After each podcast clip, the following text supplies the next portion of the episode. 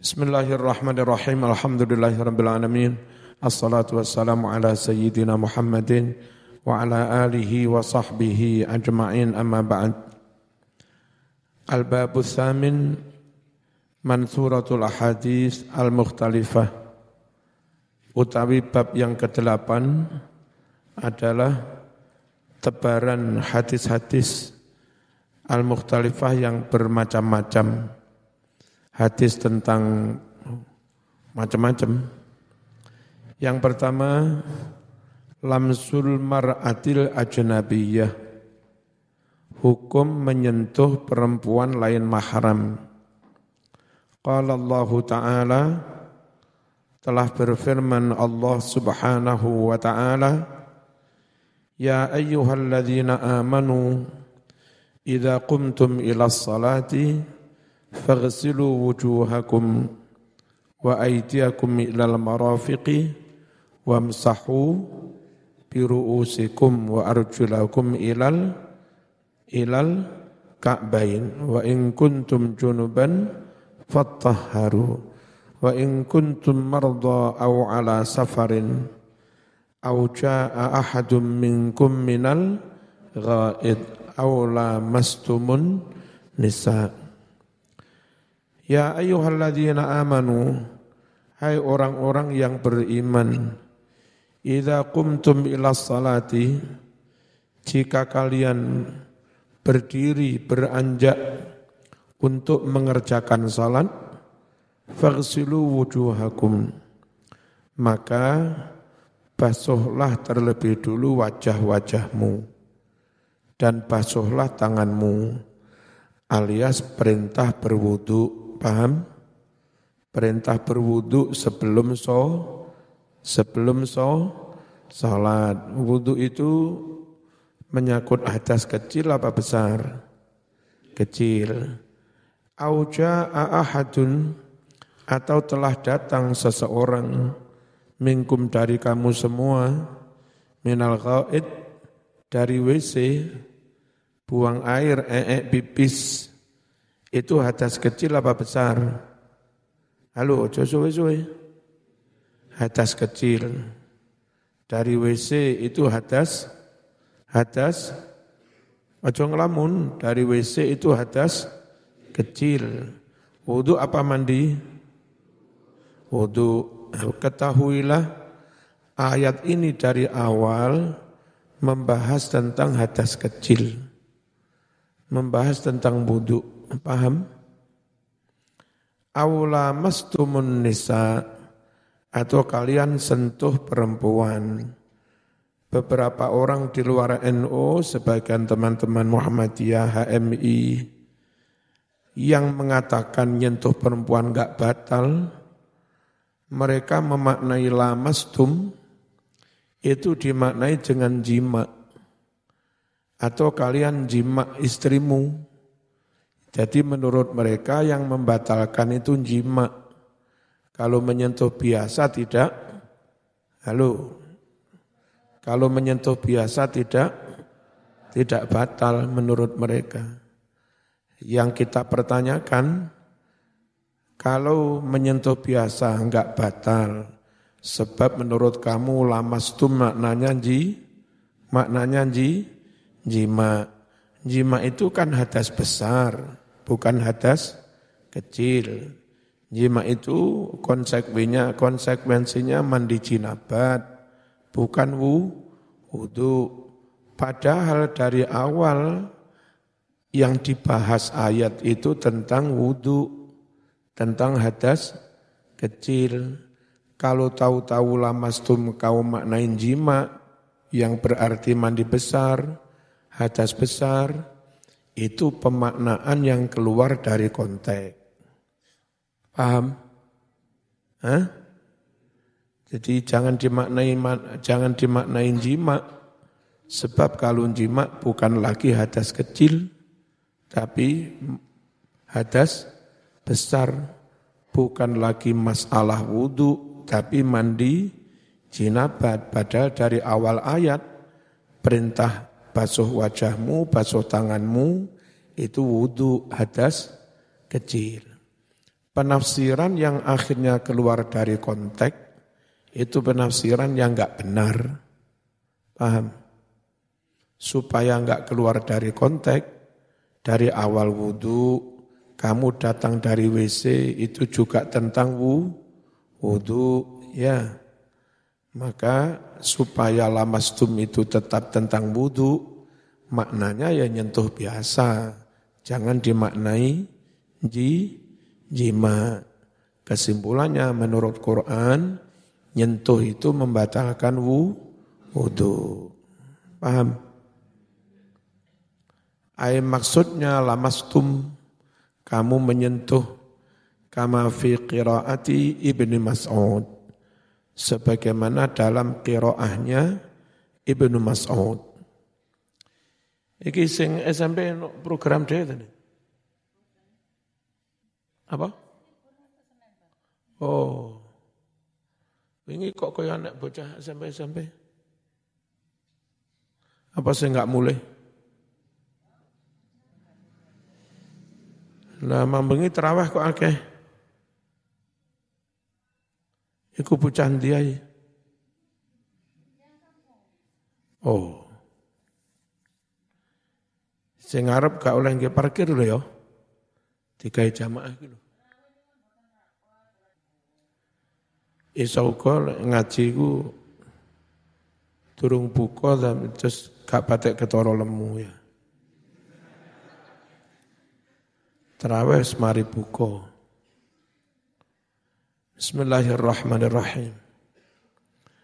Warawaina dan kami meriwayatkan fi sahih Muslim dalam kitab sahih Muslim anak Aisyah dari Siti Aisyah radhiyallahu anha.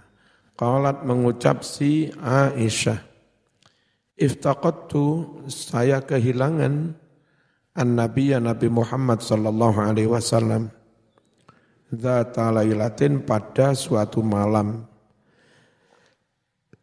Nabi itu istrinya lebih dari satu, sehingga kayak Siti Aisyah itu bisa dapat kesempatan bermalam dengan Nabi itu paling seminggu sekali. Nah seminggu sekali bermalam bersama Nabi, bareng bengi-bengi jam luru melek, Nabi hilang. Aisyah cemburu, nang di. Jangan-jangan ke istri yang lain. Aisyah kehilangan kanjeng Nabi. Lampu mati. Fatah hassas tu, maka saya gerayah-gerayah. Apa gerayah-gerayah? Meraba, meraba-raba, berarti lampu mati kan? Halo? kadung di suudoni, dikira ke mana-mana, fa'ilah ternyata huwa utawi kanjeng Nabi, iku rokiun sedang rukuk, au sajidun atau sedang sujud. Yaqulu Nabi membaca dalam rukuk sujudnya, Subhanakallahumma wa bihamdika la ilaha illa anta ini oleh orang di luar NU dijadikan dalil istri menyentuh suami atau sentuhan antara suami istri tidak batal. Mana buktinya? Nabi tahajud lampu mati di gerayang-gerayangi Siti Aisyah. Eh, ternyata lagi ruku sujud Nabi melanjutkan sholatnya meskipun sudah tersentuh Siti Aisyah. Berarti tidak ba, tidak batal, paham? Menurut mereka seperti itu. Tapi menurut NU tidak mesti menjadi dalil tentang hal itu. Mengapa? Aisyah sendiri kan bilang rukuk atau sujud disentuh Aisyah itu loh Wong namanya lampu mati nggak ketoro. Nabi rukuk atau sedang sujud.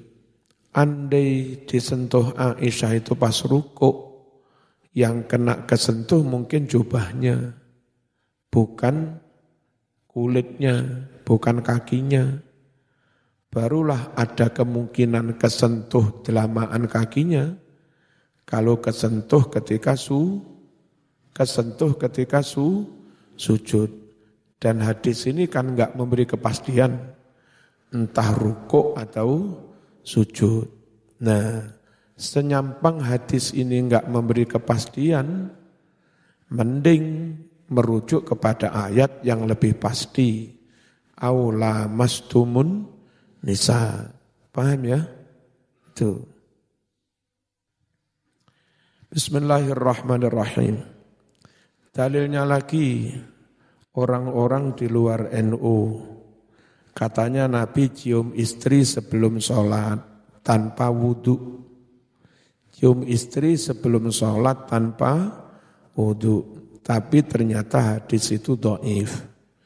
Kalau do'if tidak bisa dipakai da, dalil.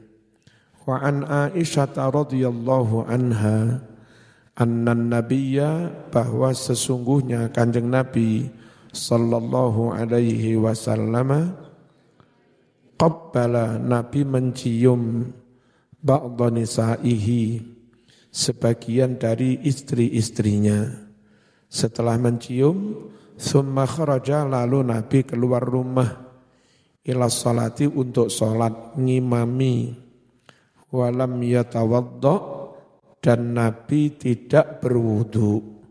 Nabi tidak berwudu. Nah ini dalil orang di luar NU katanya enggak apa-apa. Sentuhan suami istri tidak membatalkan wudhu tapi akhrajahu telah meriwayatkannya.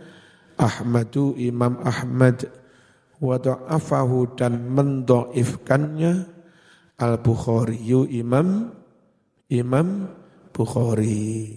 Diambil dari kitab Bulughul Maram halaman 16 nomor urut 76 jelas ya jadi kita tetap berkeyakinan sentuhan kulit lain mahram membatalkan wudhu. Keyakinan sudah, tapi kalau zaman nggak tahu dalil, nggak bisa berhujah, sampean yakin tapi nggak bisa meyakinkan orang lain. Nah zaman butuh ilmu supaya bisa meyakinkan orang lain. Harus kuasai hujah kayak begini. Sudah? Sudah?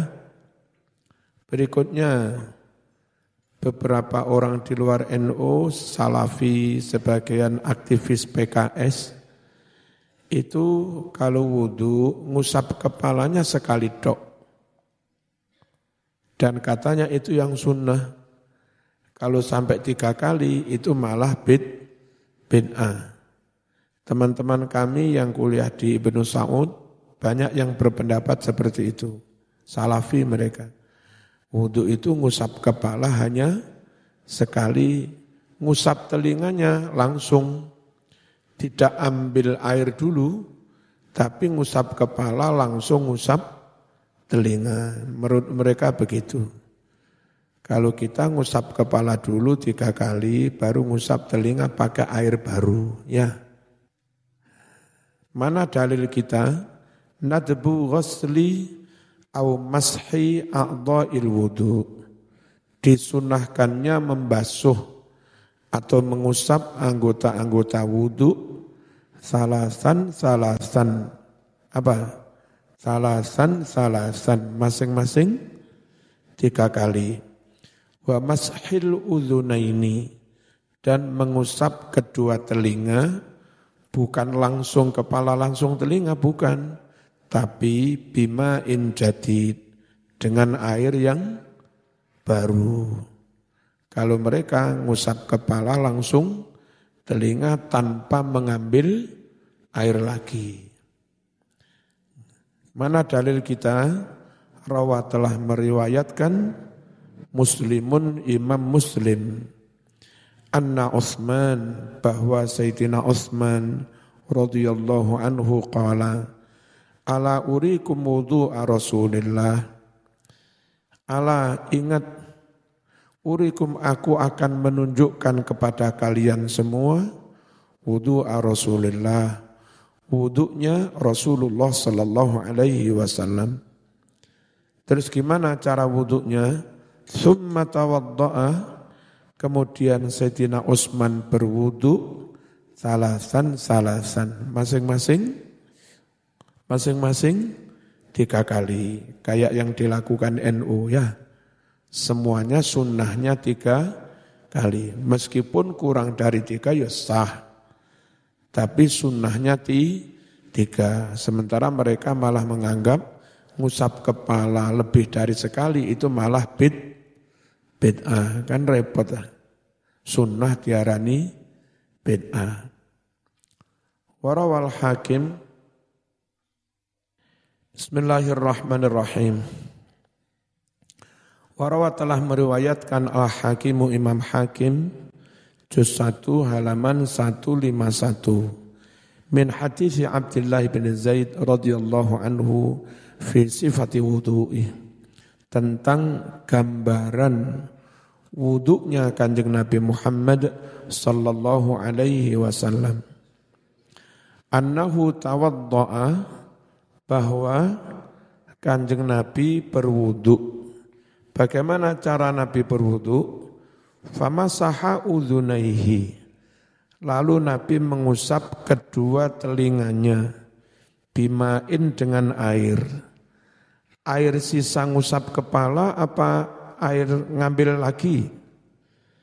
Ghairil ma bukan air bukan air alladzi masaha yang yang mana Nabi mengusap aroksa kepalanya bihi dengan air itu.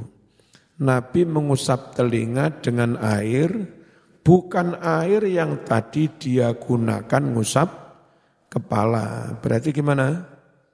Halo? Berarti gimana? Ngambil ngambil air lagi untuk ngusap teli, telinga. Paham? Sementara kalau salafi itu begini. Nah gitu. Tidak ngambil air lagi. Ya terserah itu urusan mereka. Tapi kita enggak mau kalau sudah benar malah dibit, dibinahkan. Ya, jangan gampang menyerah, wong bener. Kalau mengucap Al-Hafidh Al-Zahabi, apa ngucapnya? Sahih. Hadis ini hadis, hadis sahih. Berikutnya, beberapa guru MAN, guru MTS, kalau ujian tafsir, murid siswinya head, tetap aja disuruh baca Quran. Enggak boleh. Ya, Wanita khed, wanita jinabat nggak boleh baca Quran, nggak boleh menyentuh Quran. Mbak-mbak barangkali nanti jadi guru tafsir di UIN di mana pas ujian ada mahasiswi, ada siswi, kalau lagi berhalangan bu, siapkan buku tibaan itu. Kan yang penting zaman tahu kualitas bacanya tuh. Siapkan buku tibaan, nah biar dia baca rawi-rawi dalam tibaan itu. Qila huwa, qila huwa Adam alaihi salam. Ya, ini macam iku. Jangan dipaksa baca Quran. Paham? Layak juzu tidak boleh an yamassa menyentuh Al-Qur'an Quran illa tahirun kecuali orang yang suci wala yaqra'uhu tidak boleh membaca Al-Qur'an junubun orang yang lagi jinabat au haidun atau orang yang apa? haid. Mana dalilnya? La yamassuhu illal mutahharun tangzilum mir rabbil alamin. Tidak boleh menyentuh Al-Qur'an kecuali orang-orang yang telah bersuci. Quran yang telah diturunkan dari Allah Rabbul Alamin. Perhatikan, beberapa ustadz di luar NU mengatakan nggak apa-apa tanpa wudhu megang Quran. Alasan mereka ayat ini, ayat yang ini loh tidak boleh menyentuh kecuali orang yang telah bersuci. Ayat ini tidak menyangkut Quran yang di dunia ini. Menurut mereka itu tidak bisa menyentuh Quran yang di lauhul mahfud kecuali para malaikat yang suci. Sehingga ayat ini tidak menyangkut hukum menyentuh mushaf yang ada di, du, di dunia. Menurut mereka begitu. Jin nggak bisa menyentuh Quran yang di loh mahfud. Iblis nggak bisa menyentuh Quran yang di loh mahfud. Hanya malaikat yang suci yang bisa menyentuhnya. Menurut mereka seperti itu. Nah kita matur pada mereka, kalau memang yang dimaksud itu menyentuh Quran yang di loh mahfud, hanya bisa dilakukan oleh malaikat yang suci. Saya bertanya, satu, apa ada malaikat yang tidak suci? Tidak bisa menyentuhnya kecuali para malaikat yang suci. Apa ada malaikat yang tidak suci tukang maksiat, masuk ada. Halo, apa ono malaikat sing hadas? Apa ono malaikat sing jinabat? Berarti mutahharun dimaknai malaikat itu malah meng, apa, mengandung tanya apa pertanyaan yang enggak karu-karuan ya. Yang kedua, ayat berikutnya kan berbunyi tangzilum mirrabbil alamin. Diturunkan dari Allah Rabbul Alamin. Lawang sudah bunyi tangzilun. Itu mestinya ya Quran yang mushaf yang ada di dunia. Wong bunyinya tanzi, tanzilum mirrabbil. Wong sudah berbunyi tanzilun. Kok masih mikir Quran yang di loh mahfud yang belum belum tanzilun. Ya, jadi kalimat tangzilum mirabbil alamin itu menjadi bukti kuat bahwa yang dimaksud layamasuhu itu Quran yang ada di, du, di dunia. Kesimpulannya tidak boleh menyentuh mushaf yang ada di dunia itu kecuali manusia yang telah bersuci. Paham? Dalil berikutnya wa alla yamassal qur'ana illa tahirun. Sungguh tidak boleh menyentuh Al-Quran kecuali orang yang suci. Kalimat ini bagian dari risalah, bagian dari surat panjang, surat kenegaraan, semacam undang-undang begitu, yang dikirimkan kanjeng Nabi kepada penduduk Yaman gubernurnya ketika itu Mu'ad. Ya. Nah, aturan yang berlaku bagi muslim Yaman antara lain jangan menyentuh Al-Qur'an kecuali orang yang suci. Kalau ini kau maknai Quran yang di mahfud, kok yo aneh-aneh, wong ini surat ditujukan kepada penduduk Yaman, bukan penduduk loh loh mahfud. Halo. Paham? Berikutnya, Ani bin Umar kurang alif. Ani bin Umar radhiyallahu anhu qala qala telah bersabda Rasulullah sallallahu alaihi wasallam La yaqra'ul junubu wal haidu syai'an minal Qur'an. Janganlah membaca al-junubu orang jinabat wal haidu wanita haid jangan membaca syai'an sedikit pun minal Quran dari dari Al-Quran. Hadis riwayat Imam Ibnu Ibnu Majah. Jelas ya? Ya. Dah kita tetap ikut NU, ikut madhab syah, syafi'i. Tanpa kita membid'ah-bid'ahkan madhab yang lain. Nadbut du'a ba'dal adzan wa qablal iqamah. disunnahkannya berdoa setelah azan dan sebelum iqamat. Mana dalilnya? An Anasin radhiyallahu anhu ad-du'a la yuraddu doa tidaklah ditolak pasti diterima kapan itu Mas kapan itu bainal adzan wal iqamah antara adzan dan iqamat rawahu Ahmad wa Abu Dawud wa Turmudi wa Nasa'i wa Ibnu hadisun sahih. Berikutnya an Anasin radhiyallahu anhu ad-du'a bainal adzan wal iqamah mustajabun. Doa antara adzan dan iqamah bakal diijabahi. Maka fada'u berdoalah kalian semua. Ada perintah dari Nabi kan? Berarti sun sun sunnah di NU dengarkan berdoa boleh dengan bahasa lagu biasa Rabbana atina fid dunya hasanah fil akhirati hasanah boleh salawat juga doa Allahumma sholli ala sayyidina Muhammad boleh tapi juga boleh berdoa pakai syair pakai lagu Allahumma salli ala sayyidina Muhammad. Boleh. Dan itu boleh diucapkan setelah azan sebelum iqamat. Lalu dalam tradisi NU berdoa yang memang sunnah kalau dilakukan disebut puji pujian.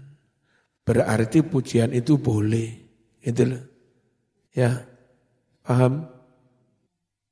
Rawahul arba'ah diriwayatkan empat perawi hadithun sahih. Berikutnya lebih jelas. Ya Umma Rafi' wahai Ummu Rafi' Idza qumti ila salati fasabbihillaha ta'ala asron. Jika kamu hendak mengerjakan salat, kamu berdiri, beranjak mengerjakan salat, maka bertasbihlah kepada Allah sepuluh kali. Wahallilihi asran, bertahlillah kepada Allah sepuluh kali. Wahmadihi asran, bertahmidlah kepada Allah sepuluh kali. Wakabbirihi asran, bertakbirlah kepada Allah sepuluh kali. Apa itu? Tasbih, tahmid, tahlil, takbir. Berarti apa? Subhanallah walhamdulillah wa la ilaha illallah wallahu akbar. Sampai berapa kali? Sepuluh kali. Lah di NU kadang dilagok nih. Subhanallah walhamdulillah. Kan ini ya? Boleh baca itu? Bukan boleh. Sunnah. Wong diperin, diperintah. Dilakukan boleh? Boleh. Enggak dilakukan? Boleh. Oh, wastaghfirihi asran beristighfarlah kepada Allah sepuluh kali fa innaki idza sabbahti sungguh engkau wahai Ummu jika kamu bertasbih qala Allah berfirman menjawab hadzali. Tasbih ini buat saya. Wa idza halalti jika kamu membaca tahlil qala Allah menjawab merespon Hadza li tahlil ini buat saya. Wa idza hamidti jika kamu bertahmid qala Allah menjawab hadza li tahmid ini buat saya wa idza kabbarti qala Allah menjawab hadza li takbir ini buat saya wa idza astaghfarti jika kamu minta ampun ya Allah nyun ngapura ya Allah nyun ngapura ya Allah nyun ngapura qala Allah menjawab qad fa'atu wis tak lakoni. Apa maksudnya? Wis tak sepu, wis tak sepu, wis tak sepuro. Nah, perlu sebelum sholat baca begitu-begitu. Tapi sayang orang di luar NU menganggap itu bid, bid ah, nggak apa-apa, lanjut aja. Wong kita punya da, dalil. Hadis riwayat Imam Ibnu Sunni nomor 107. Qala Ibnu Al-Alam, qala Ibnu Hajar, hadithun hasan bukan hadis do. Taif diambil dari kitab Al-Futuhatul Ilahiyah juz 2 halaman 144.